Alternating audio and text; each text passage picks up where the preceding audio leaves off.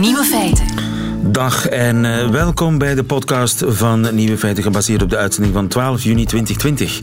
In het nieuws vandaag dat het stadsbestuur van New York een manier heeft gevonden om veilig vrijen in coronatijden te promoten. In het uh, VK in Engeland, Verenigd Koninkrijk, werden burgers aangeraden bijvoorbeeld om tijdens de one-night stand hun mondmasker aan te houden. In Nederland mag u een seksbuddy aan uw bubbel toevoegen. Maar de inwoners van New York kregen heel ander advies. Wie seks wil hebben met iemand die hij pas heeft leren kennen, kan dat volgens het stadsbestuur het beste doen door een muur. Inderdaad, via een, wat dan heet, een glory hole. Daarbij staat er een muur tussen jou en je partner, maar is er een gat voorzien voor een cruciaal lichaamsdeel. Zo wordt de verspreiding via face-to-face contact beperkt. Let er wel op dat de ruimte waarin jullie seks hebben groot genoeg is en voldoende verlucht is, voegt het stadsbestuur er nog aan toe. Oké. De andere nieuwe feiten. In China staat een Twitterleger klaar om Donald Trump te bestrijden. Hoe groter de racist, hoe minder hij het beseft, blijkt uit onderzoek. NOS-correspondent in Brussel Sander van Horen verbaast zich over de Leopold II-discussie in ons land. En het allereerste theater van Londen is teruggevonden. De nieuwe feiten van Nico Dijkshoorn hoort u in zijn middagjournaal. Veel plezier.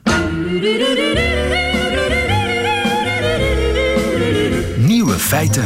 Radio 1. Blijkbaar hebben de Chinezen een uh, Twitter-leger. En dat Twitter-leger gaan ze inzetten tegen Trump.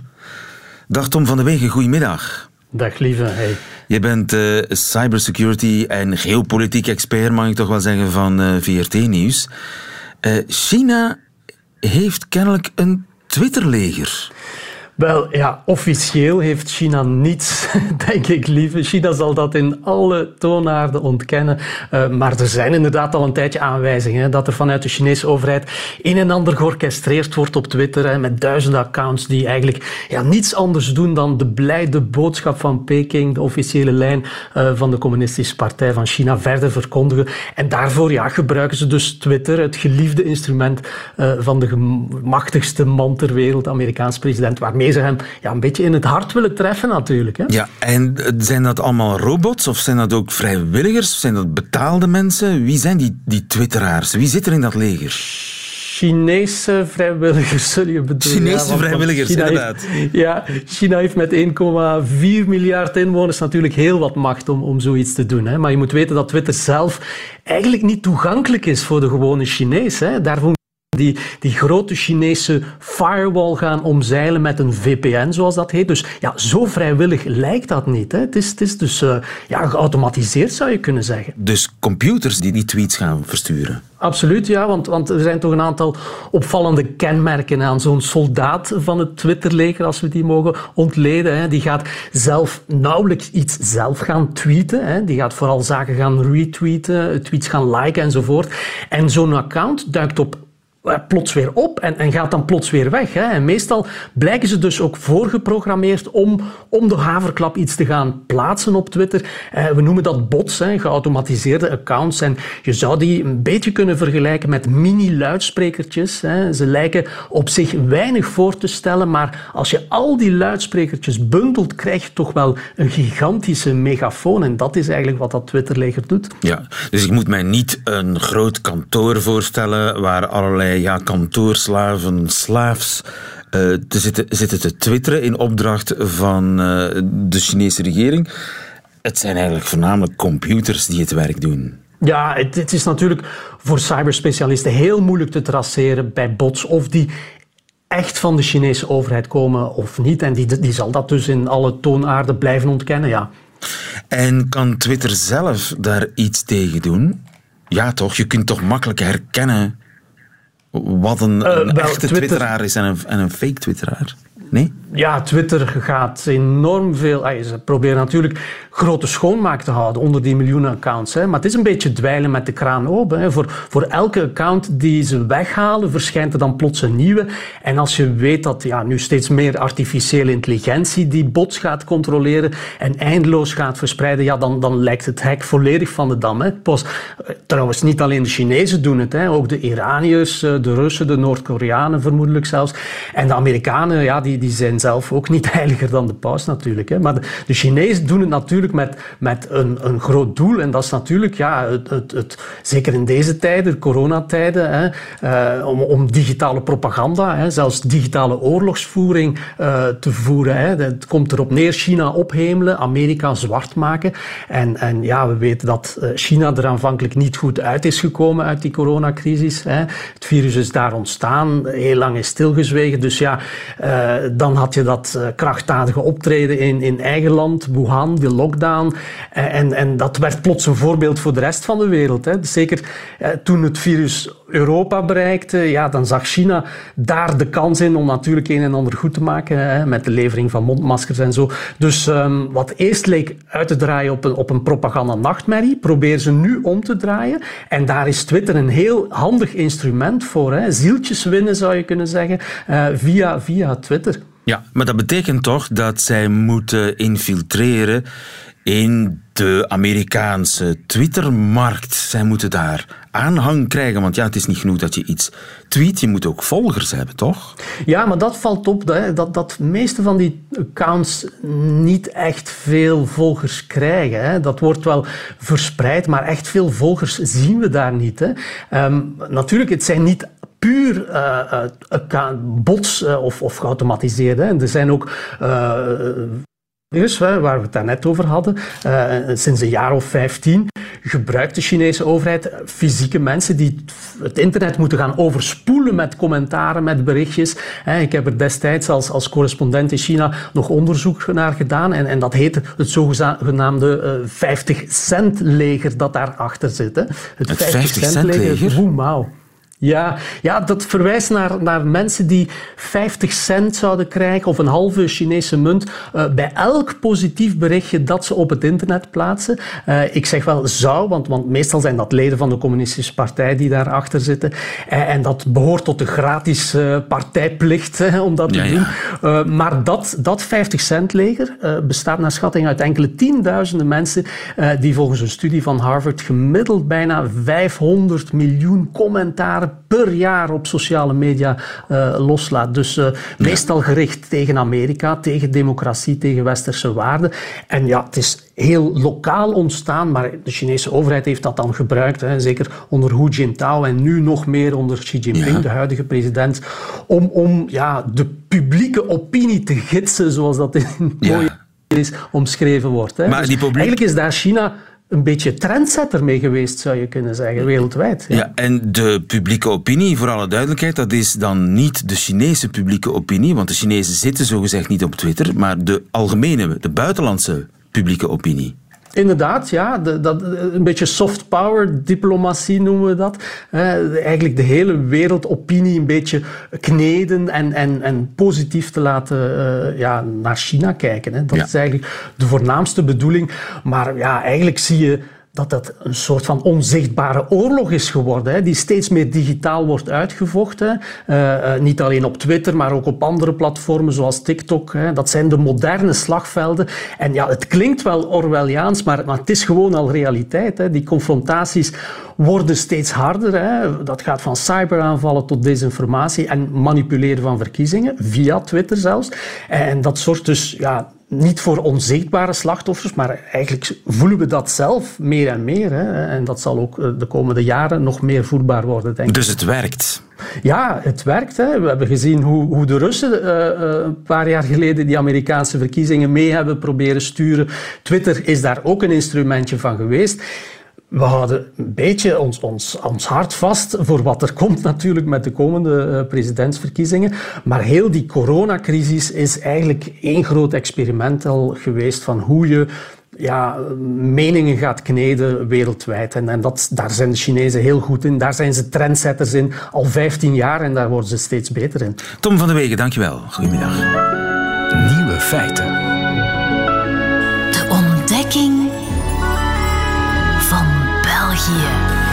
Je kon hem al horen, onze avonturier, de grootste avonturier in de Belgisch-Nederlandse geschiedenis. Iemand die namelijk tien jaar lang in uh, Libanon heeft gewoond als correspondent voor de NOS en een paar jaar geleden is verhuisd naar Brussel. Kwestie van hè, toch de spanning op te drijven. En nu Chinese plaatjes af. En nu Chinese plaatjes af zitten. had eigenlijk een Congolees plaatje verwacht.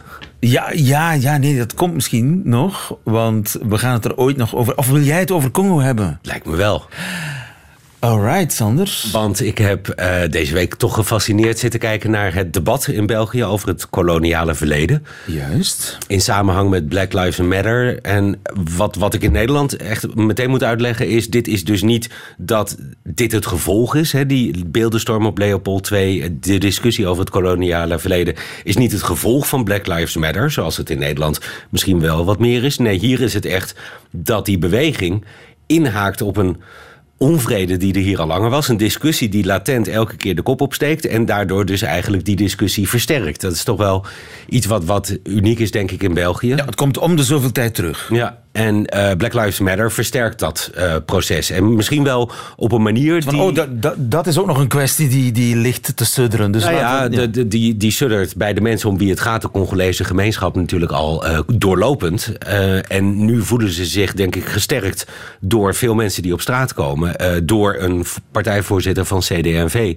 Die ja. dus het idee hebben van ja dit is weer zo misschien een keerpunt. Hè? Daar waar het met de discussie over bijvoorbeeld het Afrika Museum hè, een beetje weer weggeëpt is. Misschien dat het dus nu die golf zo hoog is dat er blijvend wat verandert. Want het debat is, is, er, is er zeker. Uh, en is er iets typisch Belgisch aan, wat jou betreft, met jouw Nederlandse ogen? Jullie hebben toch ook een koloniaal verleden? Ja, uh, appels en peren voor een deel. Hè? Want wat Leopold II en daarna de Belgische staat in Congo deed, dat uh, gaat wel heel ver. Iets gelijkaardigs hebben jullie wij, wij, nou ja, we hebben natuurlijk de politionele acties in uh, Nederlands-Indië gehad. Uh, het huidige Indonesië. Na de Tweede Wereldoorlog. En dat maakt het dus ook weer moeilijker vergelijkbaar. Omdat dat veel recenter is. Omdat bij de discussie in Nederland over het aanbieden van excuses en dergelijke... we op een gegeven moment nog te maken hadden met mensen die daar geleefd hebben, die daar gevochten hebben, die daar misschien dingen gedaan hebben die niet door de beugel konden. Dus dat maakte het extra gevoelig. Maar wat mij vooral opvalt in die discussie is dat die gelijk loopt aan de discussie in Nederland, maar wel tien jaar later ongeveer. Wij komen achter. Ja, en ik weet niet hoe dat komt. Wrijf het er maar in. Nee, het is niks van invrijven. Want ook in Nederland hebben we natuurlijk nog altijd dat debat. Hè. Wij, alleen bij ons zijn we, heb ik het idee al een paar stappen verder. Dus bij ons gaat het niet over laat je een koningshuis bijvoorbeeld uh, erkennen dat er fouten zijn gemaakt, of daar spijt over betuigen, of daar excuses voor aanbieden. Ik bedoel, er zijn allerlei smaken en dat is ook wat uh, volgens mij de voorzitter van het CD&V gisteravond zei. Daar moeten we in elk geval over nadenken. Uh, de, de, de modaliteiten kun je het nog over hebben, maar ja, dat moet dan inderdaad door een koning gebeuren. Um, in Nederland heb je tegenwoordig een discussie, en die was heel kort hoor, maar mogen we de Gouden Eeuw de 17e eeuw in Nederland. Nog wel de Gouden Eeuw noemen. Dat soort dingen. Dus Want dat was goud omdat al die slaven daarvoor gewerkt hebben. Ja, en voor die slaven was hij bepaald niet goud. Juist. Juist. Dus die discussie in Nederland die is daar alweer een paar stappen verder. Maar hier, hier dus niet. En, en hallucinant. Ja, ik bedoel, ik, ik dank de man op mijn blote knieën. Wat, wat een de, de, gave heeft die man om de foute dingen te zeggen, Prins Laurent. Maar ook vandaag weer. Ja, maar Leopold II heeft toch zulke mooie parken aangelegd. Heeft Laurent dat gezegd? Ja. Dat, is, dat was mij ontgaan. En hij, uh, ook de, de notie dat uh, je dus Philippe niet verantwoordelijk kunt stellen voor daden van zijn over, overgrootvader. Ik wil ik even vanaf zijn hoeveel generaties dat dan terug is. Maar daar gaat het niet om. Het gaat erom dat je als instituut, Koningshuis, of als land, bij monden van de regering, erkent dat er iets fout is gegaan en zegt dat je dat plaatsvervangend spijt. En dat is in Nederland wel gebeurd. Maar overigens, en, en het is natuurlijk heel. Dat maakt het wel moeilijk dat het een familiekwestie is ook. Waarom? Juist misschien niet. Omdat de huidige koning en zijn kinderen daar inderdaad niets mee te maken hebben. Ja, ze wonen in de paleizen die met bloedgeld zijn gebouwd misschien. Maar die verantwoordelijkheid die is er niet. Dus dan zou het makkelijker kunnen zijn, misschien wel moeten zijn om te erkennen dat jouw voorvaderen wat fout heeft gedaan. Zou dat in Nederland makkelijk zijn? Mocht de huidige koning zeggen van ja, mijn, mijn overgrootvader... Uh... Veel dichterbij. Of hij, ja, natuurlijk. Hij heeft, ja. bij de herdenking op de Dam, en dat ging dan niet over het koloniale verleden, maar over het feit dat uh, zijn oma, Wilhelmina, zich tijdens de Tweede Wereldoorlog wel een beetje afzijdige. Heeft hij gezegd dat hij dat niet handig vond. Oké. Okay. Uh, heel recent en, en heel nabij, niet een of het andere bed over, over, over, overgrootvader. Nee, zijn oma. Dus, dus dat kan, misschien is het een generatieding, maar misschien is het ook wel dat Willem-Alexander, onze koning, die uh, bij een recent staatsbezoek aan Indonesië ook weer spijt heeft betuigd voor wat Nederland daar gedaan heeft. En dat zelf eigenlijk geen nieuws vond dat hij dat gedaan heeft, zei hij achteraf. En dat maakt het natuurlijk nog wel interessanter dat je op een gegeven moment... Het maakt je natuurlijk wel heel sterk om je zo maar nederig op te stellen. Dat hij, kan hij doen doordat um, hij is wie hij is, maar ook doordat uh, het pad al vrijgemaakt is. Um, hè, dit is natuurlijk het, het, eindstation, een koning die zijn excuses aanbiedt en dat eigenlijk geen nieuws vindt. Ja, ja daar staan jullie nog maar ver vanaf. Maar, maar misschien ook... staat dat koningshuis in Nederland veel sterker. Maar we zijn en staat ons koningshuis een beetje zwak. Zijn... En is het daardoor wat, wat bang om, om dan credibiliteit uh, en krediet te verliezen? Misschien, maar geestel jezelf niet zo. Want ook in Nederland is het een lang proces geweest. Hè, het is begonnen met uh, minister Ben Bot toen Buitenlandse Zaken, die in het geval van Indonesië, want wij hebben natuurlijk ook nog Suriname en de Nederlandse Antillen, maar even die daar eh, excuses over heeft aangeboden. Beatrix, die er al iets over wilde zeggen, maar toen door de sociaal-democratische premier Wim Kok werd teruggevlogen, uh, want het was nog allemaal te vers. Eh, dus, dus ook in Nederland is dit een lang proces geweest, maar wel vanuit, en dat, dat is denk ik wat hier in België nu echt aan het ontstaan is... en misschien ook onomkeerbaar aan het ontstaan is... vanuit het besef dat het een deel is van je geschiedenis... waar je wat mee moet. Waar je niet met een grote boog omheen kunt lopen. Waar je dus inderdaad niet kijkend naar het standbeeld van Leopold II in het Brandenpark, staat het hier geloof ik, kunt zeggen van ja, maar toch een prachtig park hadden we niet gehad als hij daar niet uh, handen had afgehakt en zweepslagen had uit. Maar vind jij dat die standbeelden weg moeten? Dat, nee, ja, deep down, nee. Uh, zeker niet, want daarmee wist je de geschiedenis. En loop je dus ook het risico dat, je, dat, dat het op een gegeven moment niet meer benoemd wordt. En wat je dus nu hebt in het debat in België is heel interessant. Leopold II natuurlijk nu is, is het boegbeeld, het toonbeeld. Er zijn standbeelden van straatnamen, daar kun je tegen ageren. Maar heel voorzichtig hoor ik hier toch ook het debat over de rol van België. Toen het, Wat er het daarna land, gebeurd is, Precies. na Leopold II. premiers die vermoord werden en dergelijke. Dus, dus, ja, dus dat debat, dat haal je weg op het moment dat je die symbolen weghaalt. Die symbolen heb je soms nodig als focuspoint voor woede. Voor aan de andere kant misschien ook begrip. Ik bedoel, het mag er allemaal zijn in een vrije samenleving. Alleen dat debat, dat moet je wel voeren. Waar je het dan neerzet, hè, dat is de discussie van Bart Tommelijn. Um, laat je dat op de zeedijk staan of zet je het in een museum? Ja, dat is de vraag. Welke teksten doe je daarbij? Discussie bij de heropening van het Afrika Museum. Ja, dat is de vraag. Ik maar vind het in ieder geval praat debat. erover, discussieer erover. Een En- heel spannend debat hier in België. en- ik denk ook dat het niet nu zo snel weg is als voorgaande keren. Oké. We, we blijven het volgen natuurlijk.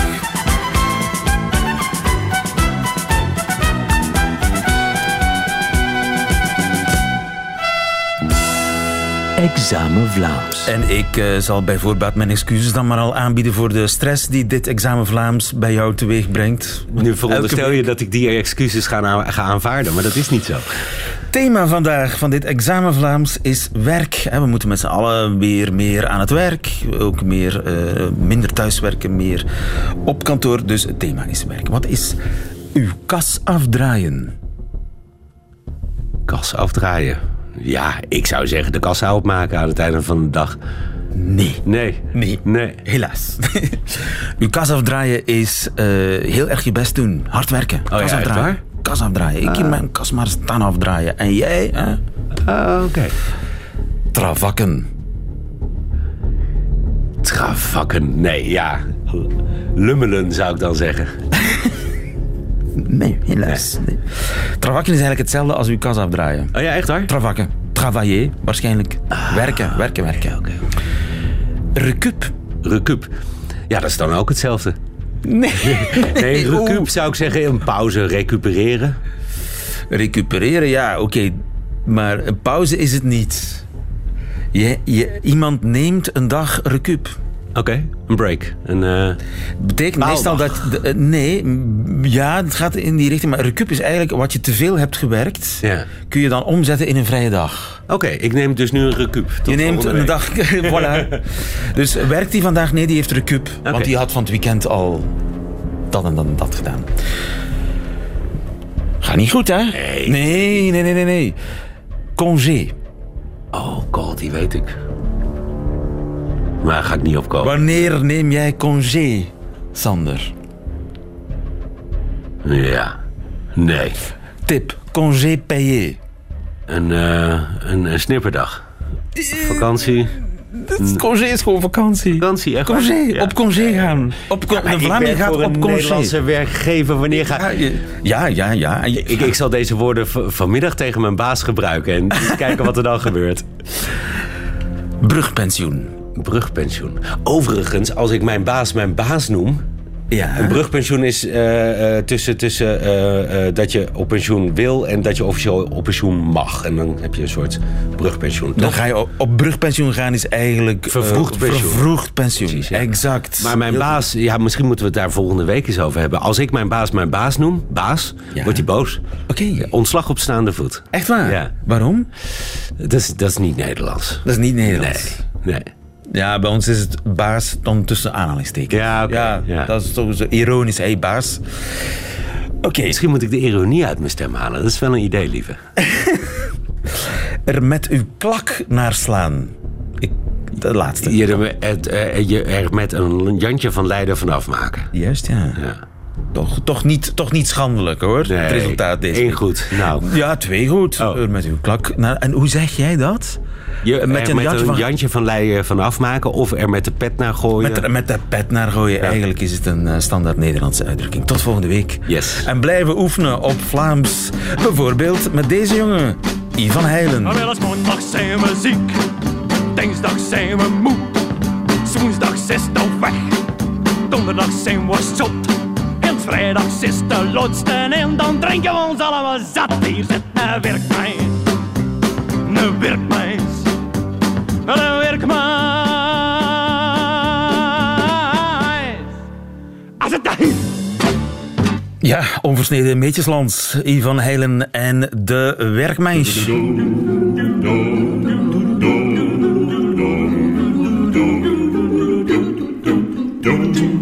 Nieuwe feiten. Het zijn niet de slimste mensen die zichzelf overschatten. Het is een fenomeen dat zelfs een naam heeft in de psychologie, het Dunning-Kruger-effect. Zo was er ooit een bankovervaller die bleef volhouden dat hij niet op de bewakingsbeelden kon staan, want hij had zijn gezicht toch ingesmeerd met citroensap. Dus de politie moest zich vergissen. Niet slim genoeg zijn om je domheid te herkennen. Het Dunning-Kruger-effect dus, zogenoemd naar de ontdekkers van dat effect. Welnu, zou dat effect ook gelden voor racisme en seksisme? Laten we dat eens aan Trump vragen. I am the least racist person there is anywhere in the world. Dat bedoel ik dus. Jelle de Manet, goedemiddag. Goedemiddag. Je bent eh, neurowetenschapper aan de Universiteit van Gent en aan de Hogeschool aan de West, West-Vlaanderen. Voor alle duidelijkheid zeg ik dat erbij. Het zijn collega's van jou in eh, Engeland en Florida die hebben onderzocht of het, ja, het Dunning-Kruger-effect of dat ook opgaat voor racisme en seksisme. Hoe hebben ze dat Ja. aangepakt? Ja, dus inderdaad, ja, het Dunning-Kruger-effect is eigenlijk het paradoxale effect dat mensen die incompetent zijn in een bepaalde taak, eigenlijk het meeste zelfvertrouwen hebben in die taak. Zeer paradoxaal. Hè. Dus dat is een, een, een duidelijke cognitieve bias hè, dat wij eh, in onze hersenen hebben. Eh, en men heeft dat ook trachten aan te tonen bij eh, racisme en gender bias. Dus hoe hebben we dat gedaan? Ze hebben mensen eigenlijk gevraagd van oké, je gaat hier wat, wat jobs, jobbeschrijvingen krijgen en je moet aangeven, vind je dat dat past bij mensen van een andere cultuur of van een andere eh, gender, van een andere geslacht.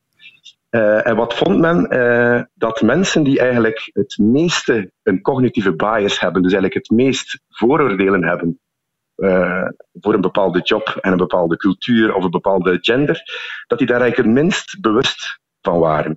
En als men dat zelfs, men kon dat ook op een impliciete manier gaan aantonen. Men kon aantonen dat onbewust dat zeer sterk aanwezig is. En hoe, hoe sterker dat onbewust aanwezig is, hoe minder dat men dat eigenlijk doorhad van zichzelf.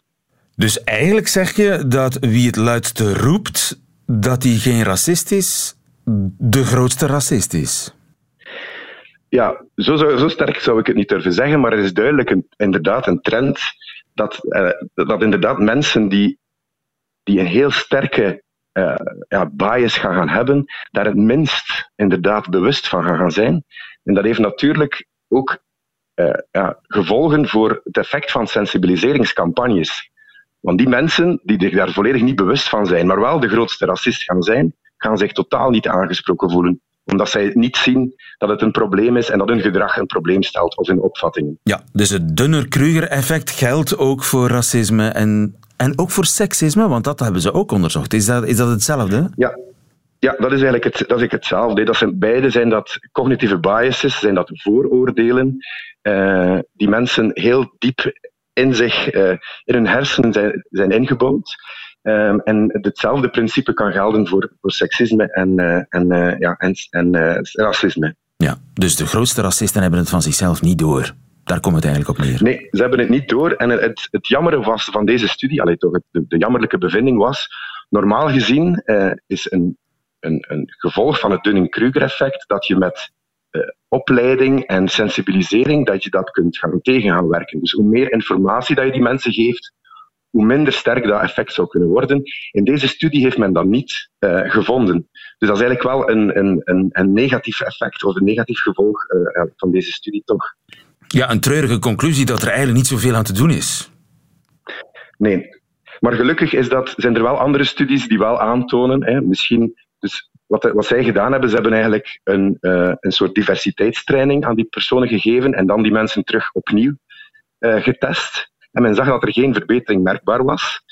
Um, in andere studies is dat wel gevonden. Hè. Wij hebben bijvoorbeeld zelf ook nog een studie gedaan naar gender bias. Dus de, de, de vooroordelen dat managers hebben naar vrouwen in hoge posities, hè, hebben wij ooit nog gedaan.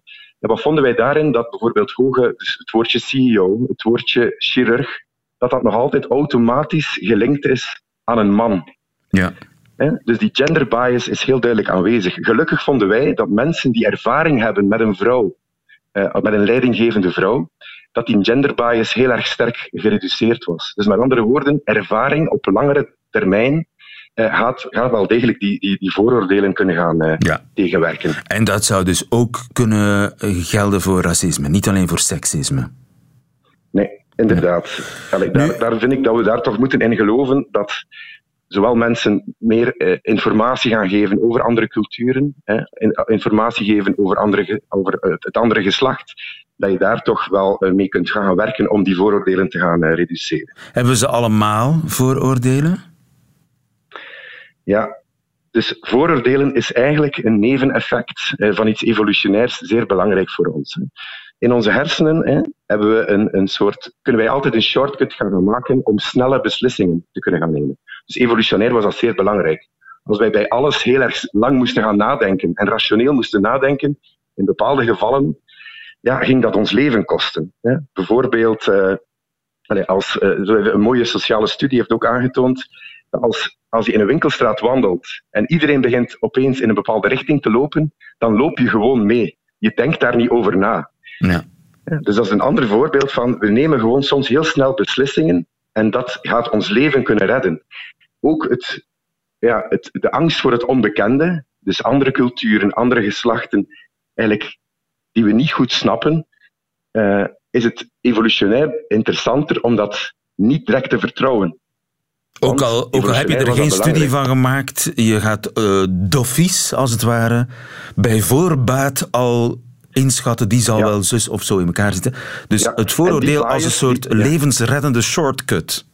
Ja, en die bias dragen wij natuurlijk nog altijd mee. Dat zit in onze, in, zo, in onze genen quasi ingebakken.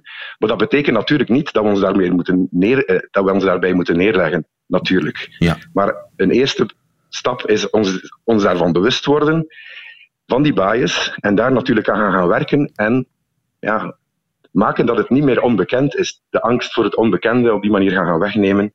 zal volgens mij ook het racisme hopelijk uh, toch wat gaan ja. verminderen. Maar dat is werk van lange adem, blijkt ook uit dit onderzoek. Dankjewel, Janne de Manet. Goedemiddag. Graag gedaan.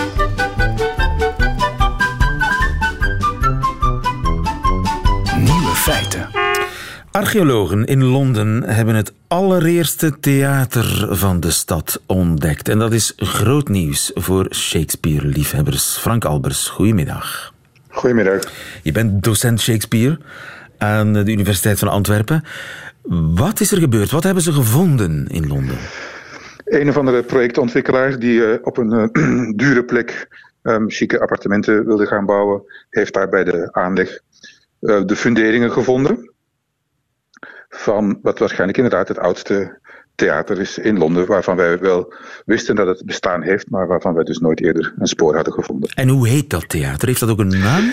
Ja, dat heette The Red Lion en dat heeft waarschijnlijk wel geteld één jaar bestaan, in 1567. We weten daar verder niks over, behalve dat er misschien één stuk gespeeld heeft, één seizoen. En daarna is dat dus in de nevelen van de tijd verdwenen. Dus het Red Lion Theater heeft uh, een kleine 500 jaar geleden, midden 16e eeuw, gedurende ja. één jaar bestaan. Ja, ja. Uh, en waarom vinden we dat dan zo belangrijk, dat, dat, dat ene theater, als het maar een seizoen gedraaid heeft? Ja, we vinden het belangrijk niet om wat daar gespeeld heeft, en al zeker geen Shakespeare, want Shakespeare was toen drie jaar oud.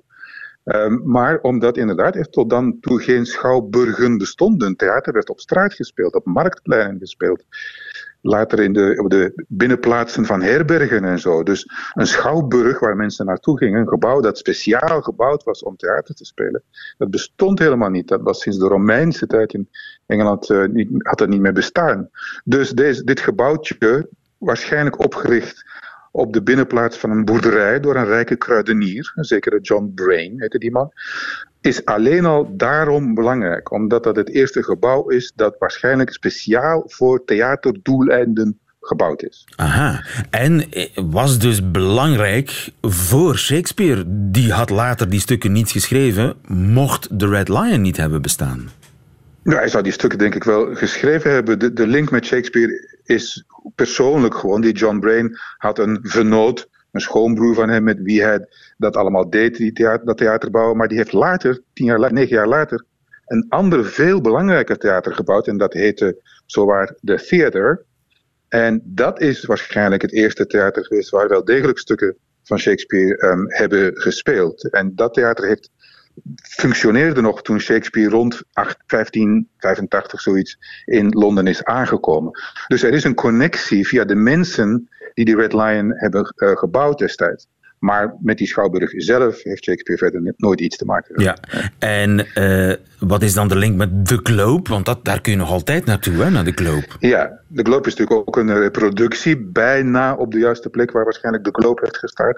Het is een heel eenvoudig, recht, direct verhaaltje. De theater heeft een aantal jaren bestaan. Toen was de huurovereenkomst op. Eigenaar wil de huurovereenkomst niet verlengen. Die Burbage, die man die dat had gebouwd, samen met dus de man van de Red Lion, had een zoon acteur, was zelf ook acteur, maar zijn zoon had meer talent.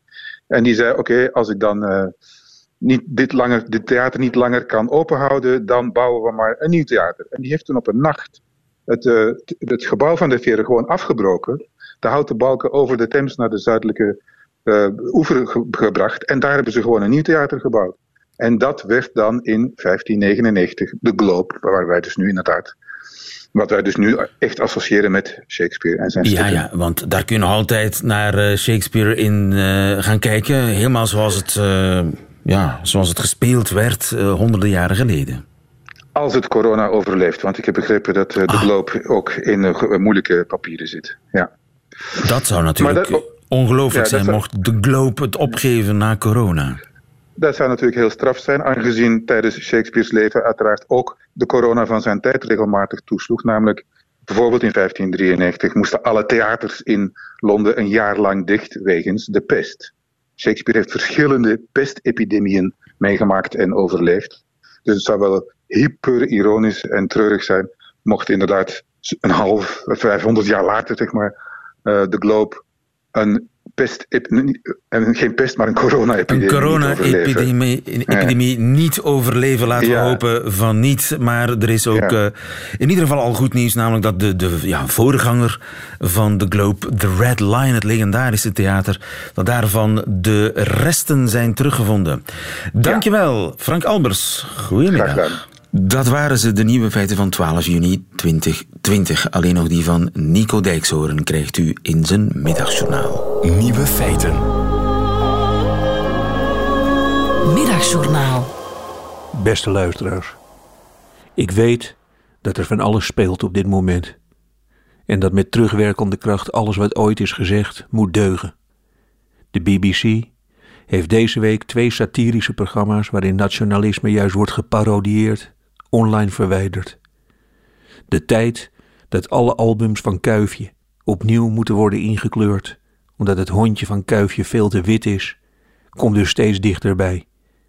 Dat is allemaal vreselijk, maar ik zit nu even met een heel ander probleem. Ik heb een geel windjack gekocht.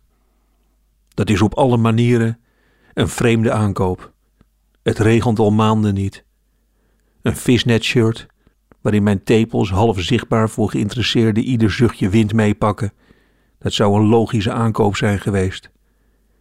Ik zou er dan wel uit hebben gezien als de keyboardspeler van Duran Duran. Maar dat doet er nu even niet toe. Er zou frisse lucht om mijn mannentepels hebben gewaaid. Tweede drama. Het windjack is echt heel geel. Misschien wel het geelste geel ooit. Denkt u maar aan een kort gekookt ei. Je lepelt het wit eraf, wat ook eigenlijk schandalig racistisch is. En dat geel dan, wat je dan ziet, wat dan over je bord heen loopt, dat duizend keer, en dan hebt u de kleur van mijn windjack. Ik heb het windjack online besteld en ik was niet dronken. Het leek mij een lekker vlot, eigentijds jack. Zo een die je draagt als het regent en dat mensen niet meteen denken: hé, hey, er is een dijk doorgebroken. Of dat ze denken dat je een wegwerker bent die zijn huis niet kan vinden. Maar zo'n jas is het dus juist wel. Ik heb hem net even kort aangedaan en ik ben voor de spiegel gaan staan. Het is zover, luisteraars. Ik ben een man geworden die eerst zijn kinderen op moet bellen voordat hij nieuwe kleren koopt. En dan heb ik u het ergste nog niet verteld. Er zit een capuchon op. Niet afritsbaar.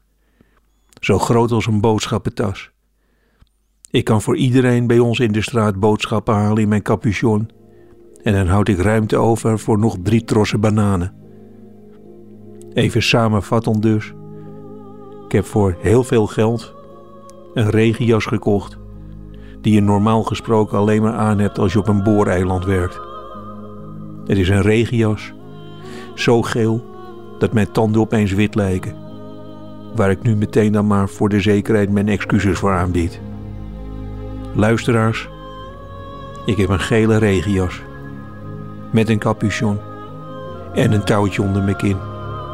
En u raadt het al, de kleur van dat touwtje. Zo wit als een roodharige Engelsman op een Grieks strand.